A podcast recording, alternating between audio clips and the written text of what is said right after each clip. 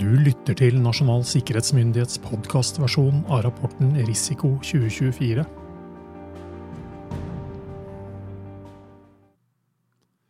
Episode 6 Muligheter og sårbarheter i kunstig intelligens.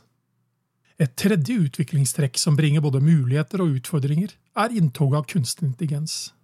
Ved hjelp av kunstig intelligens blir det enklere og rimeligere å produsere innhold som er falskt, enten det er snakk om tekst, bilder eller video.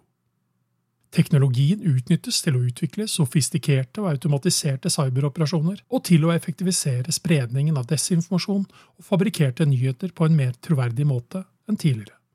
Når datamengden og kompleksiteten øker, er kunstig intelligens og maskinlæring også nødvendig for å skille ondsinnet aktivitet fra legitim aktivitet. Denne teknologien vil også ha en viktig rolle innen analyse og avdekking av cyberoperasjoner mot norske virksomheter. Kunstig intelligensmodeller har imidlertid sårbarheter i seg selv som kan utnyttes av trusselaktører, og som må håndteres forebyggende. Det er viktig at norske myndigheter og industrien henger med i utviklingen av kunstig intelligens for å sikre en trygg, sikker og pålitelig bruk av teknologien i tiden framover. Sikker anvendelse og god regulering av kunstig intelligens krever menneskelig intelligens. Informasjonsboks Kunstig intelligens brukes for å undergrave demokratiske prosesser.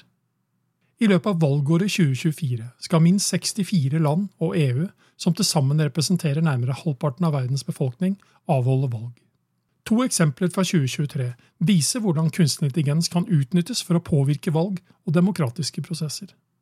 I forkant av det slovakiske valget i november 2023 ble et lydklipp der en av kandidatene og en journalist diskuterte hvordan man kunne rigge valget, spredd på sosiale medier. Klippet er en såkalt deepfake, og både kandidaten og journalisten gikk ut og avkreftet innholdet. Deepfakes utnytter kunstig intelligens for å lage videoer og lydinnhold som kan være svært vanskelig å avsløre som falskt. På samme måte ble en tidligere ordfører i London i november 2023 misbrukt i et lydklipp der han skal ha tatt til orde for å utsette våpenhviledagen, en viktig minnesmarkering for første verdenskrig. Det klippet var også en deepfake. I disse tilfellene ble lydklippene avslørt som deepfakes, men teknologien blir raskt bedre, mer tilgjengelig og vanskeligere å avsløre.